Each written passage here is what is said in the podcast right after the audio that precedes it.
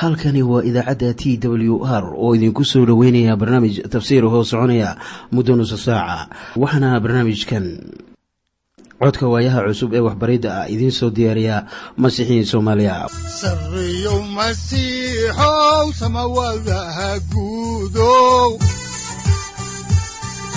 Siraadkii adduunkow subanaha eebow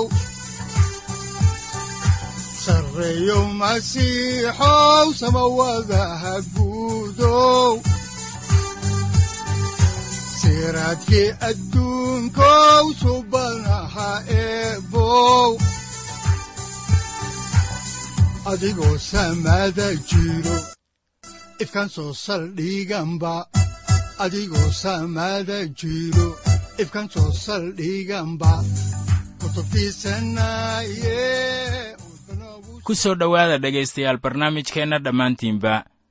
Waxaannu dhexda kaga jirnaa taxanaheennii ahaa dhexmarka kitaabka quduuska ah. Waxaannu caawa idiin bilaabi doonnaa cutubka sagaal iyo tobanaad ee kitaabkii saddexaad ee muuse oo loo yaqaanno laawiyiinta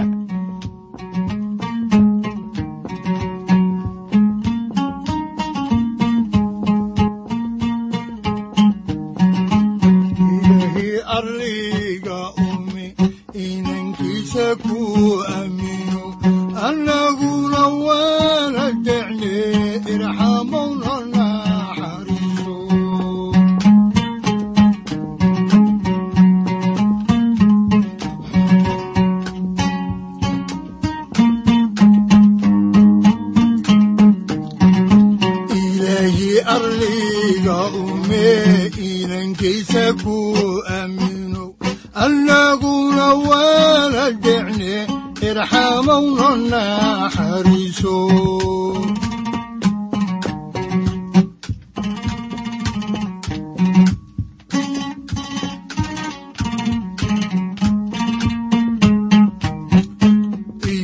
arliga yimido arrinka amraayu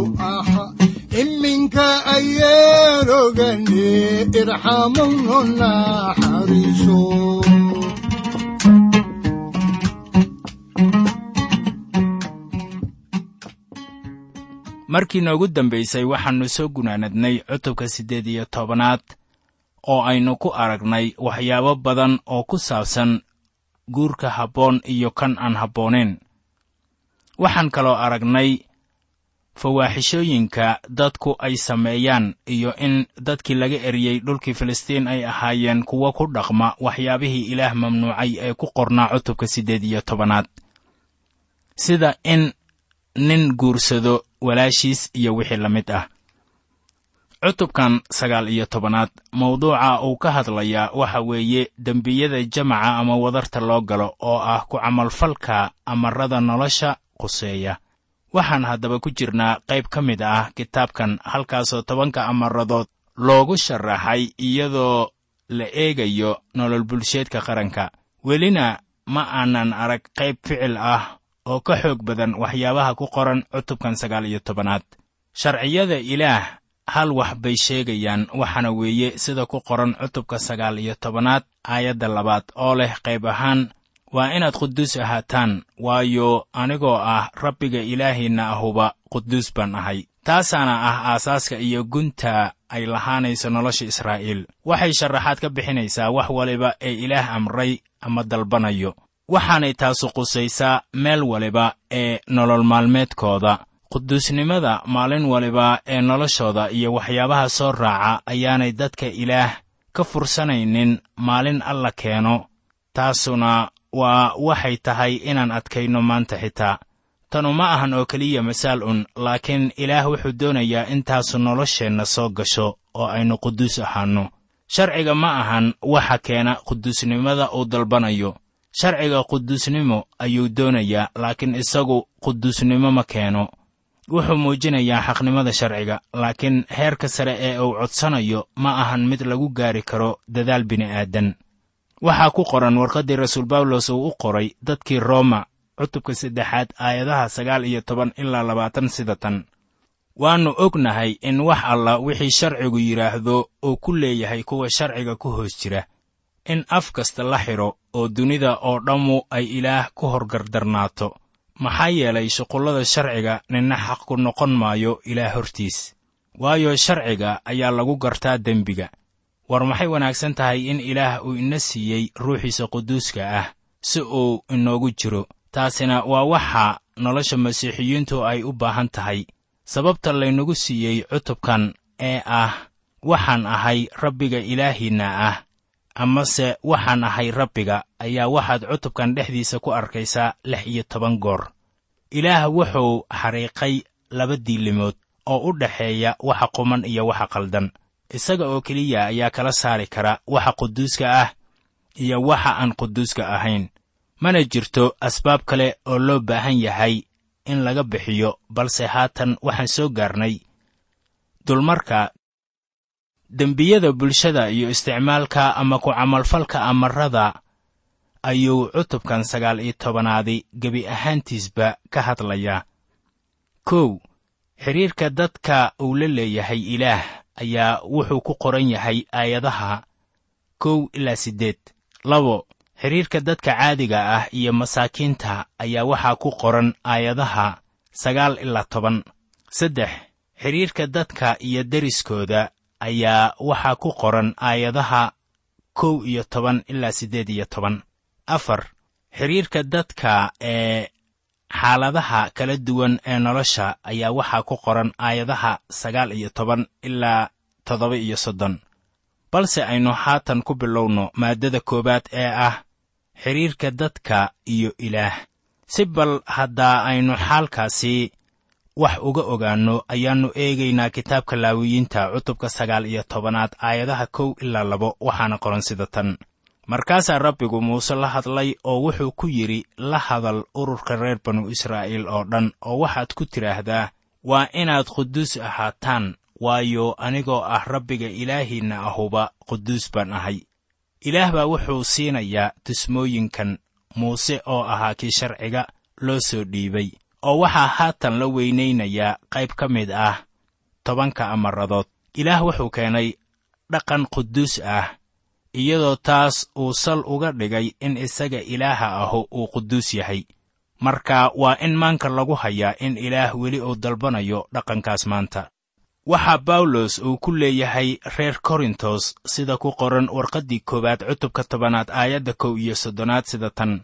Haddaba haddaad wax cuntaan ama wax cabtaan ama wax kastaad samaysaan dhammaan u wada sameeya ilaah ammaantiisa waxaa kaloo bawlos uu ku leeyahay warqaddii labaad ee reer korintos cutubka shanaad aayadda toddoba iyo tobanaad sida tan. Sidaas daraaddeed haddii qof masiix ku jiro waa abuur cusub oo waxyaalihii hore way idlaadeen. Bal eega wax waliba way cusboonaadeene haddaan horay u sii ambaqaadno warqaddii koowaad ee rasuul butros cutubka koowaad aayadaha saddex iyo toban ilaa lix iyo toban ayaa waxaa qoran.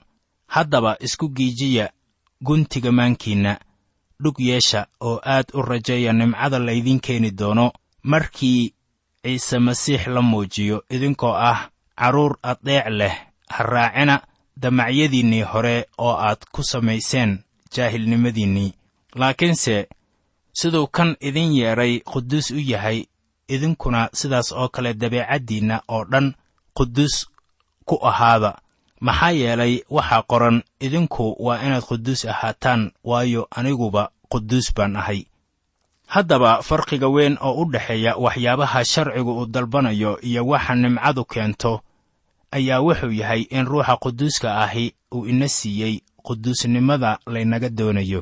Waxaanan haatan la joognaa ama la xidhiirnaa masiixa nool oo waxyaabihii horena way dhammaadeen. Haatan aadan kulama aanan dhiman dembi oo sharcina kuma hoos jirno. Waxaanse la joognaa masiixa waxaana laynaga doonayaa inaan isaga raalli garayno soo arki maysid. Waxaa dadka ay isku dayeen inay ku dhowraan sharciga dadaalkooda iyagoo ku hoos jira sharciga. Waxay ahayd inay bartaan in jidhku uu mar waliba itaal daran yahay. Marka dhanka kale laga eegana waxaannu leennahay ruuxa ilaah oo inagu jira. Bal aynu mar kale fiirinno warqaddii rasuul bawlos uu u qoray dadka rooma cutubka siddeedaad aayadaha saddex ilaa afar waxaana qoran sida tan. Waayo waa wax aan sharcigu samayn karayn maxaa yeelay uu itaal darnaa jidhka aawadiis. Ayaa ilaah sameeyey isagoo wiilkiisa ku soo diraya u ekaantii jidhka dembiga leh oo u soo diraya dembiga aawadiis wuxuuna xukumay dembigii jidhka ku jiray in qaynuunka sharcigu uu inaga buuxsamo kuweenna aan sida jidhka u socon laakiinse u socdo sida ruuxa. Waxaa kaloo ku qoran warqaddii rasuul bawlos uu u qoray dadka reer galatiya cutubka shanaad aayadaha laba iyo labaatan ilaa saddex iyo labaatan sida tan. Laakiin midhaha ruuxa waa jacayl farxad nabad dulqaadasho roonaan wanaag aaminnimo qabownimo iscelin. Waxa caynkaas ah sharci ka gees ahu ma jiro. Haddaan haatan ku soo noqonno kitaabka ayaannu eegaynaa laawiyiinta cutubka sagaal iyo tobanaad aayadda saddexaad waxaana qoran sida tan. Oo idinka midkiin kastaaba waa inuu ka cabsadaa aabbihiis iyo hooyadiis oo waa inaad dhoortaan maalmahayga sabtida ah.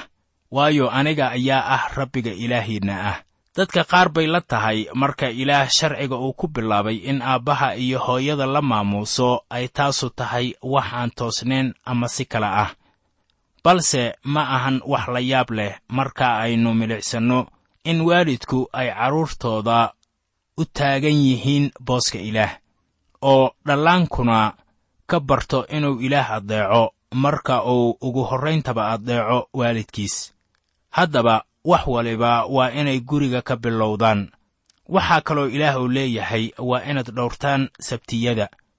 Markay sidaas tahay ayaa ilaah dadka uu weyddiisanayaa hal meel inay siiyaan wakhtigooda marka toddoba loo qaybiyo oo meel tobnaadna waa inay xoolahooda ka bixiyaan. Waxaa markaa jira laba qaybood oo ay tahay in la kala saaro waana waajibaadka qofka ka saaran dadka kale iyo kan ilaah. Ciise masiixna wuxuu yidhi waa inaad ilaah ka jeclaataan maankiinna naftiinna iyo qalbigiinna oo waa inaad derisyadiinnana jeclaataan. Haddaba amarrada sabdida waxaa la siiyey reer banu israa'iil waxaase jiray marar ayaan addeeci jirin amarka sabtida. Haatanna aynu eegno aayadda afraad ee cutubka sagaal iyo tobanaad waxaana qoran sida tan.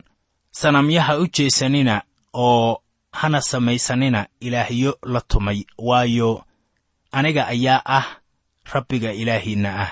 Haddaba tanu waxay daboolaysaa labada amar oo ugu horreeya. Fikradda halkan laynagu siiyey waxa weeye inaynan innaba eegin asnaamta.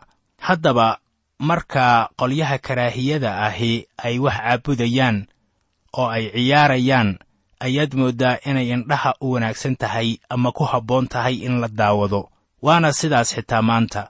Waxaannu haatan dib ugu noqonaynaa kitaabka laawiyiinta oo aynu eegaynaa cutubka sagaal iyo tobanaad aayadaha shan ilaa siddeed waxaana qoran sida tan oo markaad allabari qurbaanno nabaaddiinno ah rabbiga u bixisaan waa inaad bixisaan si laydiin aqbalo oo waa in dhammaantiis la wada cunaa maalinta aad bixisaan iyo maalinta ku xigta oo haddii ay wax ka hadrhaan oo ay gaarhaan maalinta saddexaad waa in dab lagu gubaa oo innaba haddii maalinta saddexaad la cuno waa karaahiyo oo la aqbali maayo ku alla kii cunaase dembigiisuu qaadanayaa maxaa yeelay nijaas buu ka dhigay rabbiga wixiisii quduuska ahaa oo qofkaasna dadkiisa waa laga goyn doonaa wax cusub halkan kuma jiraan laakiin waxaan idin hoga tusaalaynaynaa in qurbaanka nabaaddinnadu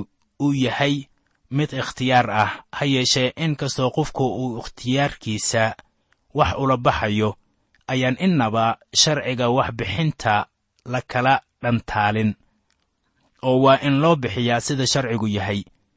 Haddii qofka uusan raacin sharciga ayaa qofkaasu xadgudbayaa oo dadka ayaa laga saarayaa iminkana waxaynu soo gaarnay maaddada ah xidhiirka qofka caadiga ahi uu la yeelanayo dadka masaakiinta ah.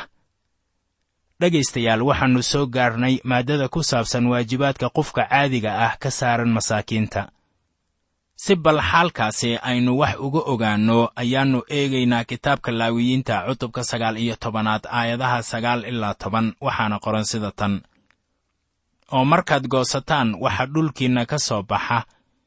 Waa inaydnaan midhaha ka wada goosan rukumada beertiinna oo weliba waa inaydan soo urursan xaabxaabka beergoosadkiinna oo beertiinna canabka ahna waa inaydan xaaxaabin oo midhaha beertiinna canabka ah oo dhacayna waa inaydan soo urursan laakiinse waa inaad u daysaan masaakiinta iyo shisheeyaha.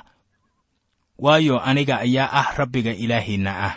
Marka ay sidan tahay ayaa waxaa muuqanaya danaynta ilaah uu u hayo masaakiinta aan dhulka haysan iyo qariibka ama shisheeyaha. Nin kasta oo maal leh waxaa loo sheegayaa halkan inuu xusuusto kuwa aan waxba lahayn. Marka beeruhu ay u soo go'aan. Waxaanay tanu keenaysaa in dadka aan waxba haysanin ayaan ka masayrin kuwa wax haysta. Waxaana imaanaya kalsooni dhex timaada kuwa wax haysta iyo kuwa aan waxba haysan. Iminkana waxaynu soo gaarnay maaddadii saddexaad ee ahayd waajibaadka qofka caadiga ah ka saaran deriskiisa. Si bal iyana aynu xaalka wax uga ogaanno aan eegno laawiyiinta cutubka sagaal iyo tobanaad aayadaha kow iyo toban ilaa laba iyo toban waxaana qoran sida tan. Waa inaydnaan waxba xadin oo aydnaan daacad la'aan ku isticmaalin. Waana inaan midkiinna midka kale been u sheegin oo waa inaydnaan magacayga been ugu dhaaran. Yaydnaan hadal nijaas ah ka sheegin magaca ilaahiinna waayo aniga ayaa rabbiga ah. Tani waa naqtiinka amarada siddeed iyo sagaal sida ku qoran baxniintii cutubka labaatanaad aayadaha shan iyo toban ilaa lix iyo toban. Waxaa kaloo aayadda laba iyo tobanaadi lagu soo gunaanaday. Amarka saddexaad maxaa wacay? Magaca rabbigu waa quduus. Markii aynu baayac mushtarayno ayaa laynaga doonayaa inaan magaca rabbiga ilaalinno. Innagoo si daacadnimo ah dadka ula macaamiloonayna mase ahan inaan been ku dhaaranno. Innagoo horay u sii ambaqaadayna kitaabka ayaannu eegaynaa cutubka sagaal iyo tobanaad aayadda saddex iyo tobanaad. Waxaa qoran sida tan waa inaadan deriskaaga dulmin waana inaadan waxba ka dhicin oo shaqaale aad ka kiraysatay mushaaraddiisu yaanay habeenkii kugu baryin oo ay kugu gaarin tan iyo subaxda dambe. Waxaa halkan laynoo sheegayaa inaan dadka inoo shaqeeya waxooda iska siinno markii bishu ay dhammaato. Waxyaabahaasu waxay keenaan aaminnimo iyo daacadnimo dhex timaada shaqaalaha iyo sayidkiisa. Oo marnaba cilaaqi iman mayso. Ilaahna wuxuu doonayaa in nin waliba xaqiisa uu helo. Kan taajirka ah shaqada uu doonayo loo sameeyo. Kan shaqaalaha ahna mushaaraddiisa la siiyo laakiin kuwa tujaarta ah badankood sidaas ma ahan. Rasuul yacquub ayaa leh sida ku qoran warqaddiisii oo ka mid ah axdiga cusub baalkiisa afar boqol iyo labo cutubka shanaad aayadaha kow ilaa labo sida tan. Bal kaalaya hadda kuwiinna taajiriinta ahow ooya oo ka baroorta dhibaatooyinka idinku soo degaya. Duunyadiinnii way quruntay dharkiinniina aboor baa cunay. Haddaan dib ugu noqonno kitaabka ayaa waxaa ku qoran cutubka sagaal iyo tobanaad aayadaha afar iyo toban ilaa siddeed iyo toban sida tan. Waa inaadan caayin qofkii dhegala oo kii indhala'na waa inaydan hortiisa dhigin wax lagu tarunturoodo laakiinse waa inaad ilaahaaga ka cabsataa waayo aniga ayaa rabbiga ah. Waa inaydan garsooridda cadaaladdarro ku samayn oo waa inaadan miskiinka u eexan ama aadan cisayn qofka weyn. Laakiinse deriskaaga waxaad ugu garsoortaa si caddaalad ah. Waa inaadan deriskaaga xan kula dhex wareegin oo waa inaadan deriskaaga dhiiggiisa hor joogsan waayo aniga ayaa rabbiga ah waa inaadan walaalkaa qalbiga ka nebcaan oo sida xaqiiqada ah waa inaad deriskaaga canaanataa. Yaadan isaga daraaddiis dembi u qaadane. Waa inaadan ninna ka aarsan waana inaadan dadkaaga u ciilqabin laakiinse waa inaad deriskaaga u jeclaataa sidaad naftaada u jeceshahay oo kale waayo aniga ayaa rabbiga ah. Xanta dadka lagula mayraysto ayaa noqonaysa nabyo qof la nabayo. Sayidkeennuna wuxuu isla simay dilka iyo carrada oo wuxuu yidhi haddii aad walaalkaa necab tahay waxaad tahay gacanku dhiig leh marka waxyaabo la mamnuuco ayaa kuwana la oggolaanayaa sida ku qoran warqaddii rasuul bawlos uu u qoray dadka galatiya cutubka lixaad aayadda koowaad waxaana qoran walaalayaalow nin haddii xadgudub lagu qabto kuwiinna ruuxa raaca midka caynkaas ah ku soo celiya qabow adigoo isdhowraya si aan adna lagu jarribin.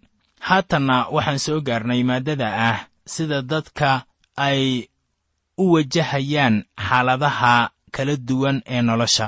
Si aynu xaalkan wax ugu ogaanno ayaa habboon inaan eegno kitaabka laawiyiinta cutubka sagaal iyo tobanaad aayadaha sagaal iyo toban ilaa shan iyo labaatan waxaana qoran sida tan. Waa inaad qaynuunnadayda dhowrtaan waa inaadan xoolahaaga u dayn inay cayn kale ku beermaan oo waa inaadan beertaada ku beeran midho laba cayn ah oo waa inaadan xidhan dhar laga sameeyey laba cayn oo isku darsan oo ku alla kii la seexda naag addoon ah oo nin u doonan oo aan la madax furin ama aan la xorayn markaas waa in iyaga la ciqaabaa laakiinse waa inaan iyaga la dilin. Maxaa yeelay iyadu xur ma aanay ahayn oo isagu waa inuu qurbaankiisii xadgudubka bixiyaa. Kaasoo ah wan qurbaan xadgudub rabbiga ugu keenaa iridda teendhada shirka. Oo wadaadku waa inuu isaga kafaaro gud uga dhigaa wanka qurbaanka xadgudubka ah oo waa inuu rabbiga hortiisa ugu bixiyaa dembigu dembaabay aawadiis oo isagana waa laga cafiyi doonaa dembigii uu dembaabay oo markaad dalka gashaan oo aad cunto u beerataan dhir cayn kasta ah markaas waa inaad midhahooda ku tirisaan sidii wax buryaqab ah oo intii saddex sannadood ah waxay idin ahaan doonaan sidii wax buryaqab ah oo waa inaan midhahaasi la cunin. Laakiinse sannada afaraad midhahooda oo dhammu quduus bay ahaan doonaan. Si rabbiga loo ammaano aawadeed. Oo midhahoodana waxaad cuni doontaan sannada shanaad si ay midhahoodu idinku soo baxaan. Waayo aniga ayaa ah rabbiga ilaahiinna ah. Haddaba sharcigan ku saabsan midhaha waxaa si hagaagsan u garanaya nimanka cilmiga beeraha ku takhasusay. Waxay leeyihiin midhaha geedka yar si dhaqsiyo leh bay u koraan oo waxay dhalaan midho badan. Haddii ubucda dhexe halka midhuhu ay ka soo dhalanayaan la foodgooyo sannadaha koowaad rabbigu taas horuu u garanayey cashirka rabbaaniga ah ee aynu halkan ka baranayno waxa weeye in midhaha koowaad ilaah leeyahay. Waxaa ku qoran warqaddii rasuul yacquub cutubka koowaad aayadda toddoba iyo tobanaad sida tan. Hadiyad kasta oo wanaagsan iyo hibo kasta oo kaamil ah kor bay ka timaadaa iyadoo ka soo degaysa xagga aabbaha nuurarka isagoo aan lahayn rogrogmad ama hoos laalaabasho haddaan horay u sii ambaqaadno kitaabka laawiyiinta ayaa waxaa ku qoran cutubka sagaal iyo tobanaad aayadaha lix iyo labaatan ilaa kow iyo soddon sida tan. Waa inaydnaan wax dhiiggoodu ku jiro cunin oo waa inaydan u tegin faallalowyo ama aydnaan faalna ku noqnoqon. Waa inaydan timaha madaxa ka jaran dhinacyada garkiinnana waa inaydan jarin. Waa inaydan jidhkiinna u goyn qof dhintay daraaddiis ama waa inaydan waxba ku daabicin. Waayo aniga ayaa rabbiga ah. Waa inaadan gabadhaada nijaasayn oo aadan dhillo ka dhigin. Waaba intaasoo uu dalku noqdaa sino miidhan oo uu shar ka buuxsamaa. Waa inaad maalmahayga sabtida ah dhoortaan oo aad meelahayga quduuska ah maamuustaan waayo aniga ayaa rabbiga ah.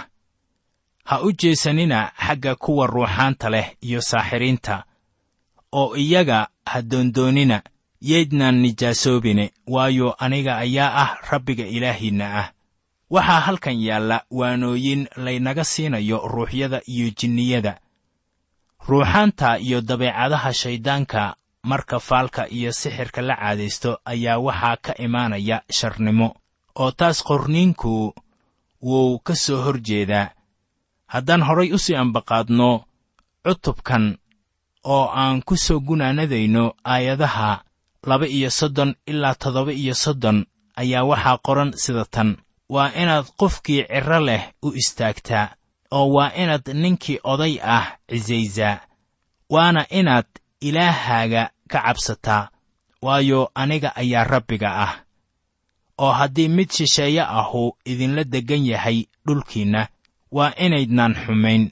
Shisheeyaha idinla degganu waa inuu idinla mid ahaadaa sida waddaniga idin dhex jooga oo waa inaad isaga u jeclaataan sidaad naftiinna u jeceshihiin oo kale. Maxaa yeelay idinkuba shisheeyayaal baad ku ahaan jirteen dalkii masar waayo aniga ayaa ah rabbiga ilaahiinna ah.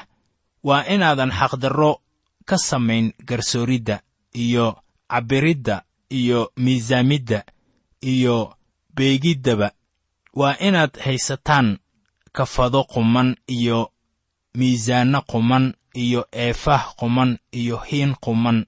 Waayo aniga ayaa ah rabbiga ilaahiinna ah oo dalkii masar idinka soo bixiyey oo waa inaad wada dhowrtaan oo yeeshaan qaynuunnadayda oo dhan iyo xukuumaddayda oo dhan waayo aniga ayaa rabbiga ah. Haddaba rabbiga ayaa ilaaheenna ah. Taasuna waa asbaab macquul ah oo aynu u adeecno rabbiga amarradiisa. Miyaad ka fikiri karaysaa wax kale oo halkaas lagu dari karo? Ilama ahan inay jiraan wax kale oo lagu dari karo. In la sii bayaamiyo oo la nuuriyo wixii ilaah inagula hadlay mooyaane.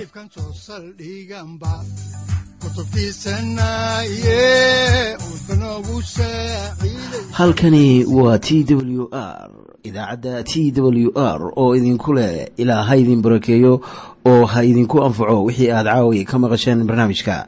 Waxaa barnaamijkan oo kalea aad ka maqli doontaan habeen dambe hadahan oo kale haddiise aad doonaysaan in aad fikirkiina ka dhiibataan wixii aad caawi maqasheen ayaad nagala soo xiriiri kartaan som t w r at t w r c o k e haddii aad doonaysaan in aad dejiisataan oo kaydsataan barnaamijka ama aad mar kale dhegaysataan fadlan mar kale booqo www t w r o r g amase waxaad teleefoonkaaga ku kaydsataa ama ku download garaysataa agabyada ku sahli karaa dhegeysiga t w r haddii aad doonayso in laga kaalmeeyo dhinacyada fahamka kitaabka amase aad u baahan tahay duco fadlan fariimahaaga soo mari bogga aaraahda ama kommentska inana jawaab degdeg ah ayaanu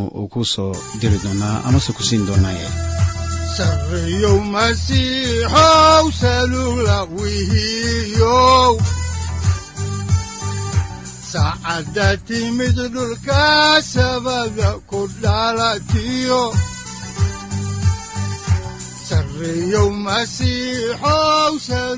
halkani waa t w r oo idiin rajaynaya habeen baraare iyo barwaaqaba leh inta aynu ka gaari doono wakhti aynu ku kulanno barnaamij la mida kan caawayay aad maqasheen. Waxa aan idinku leeyahay nabadda ciise masiix ha idinku badato xagga jidhka iyo ruuxaba. Aamiin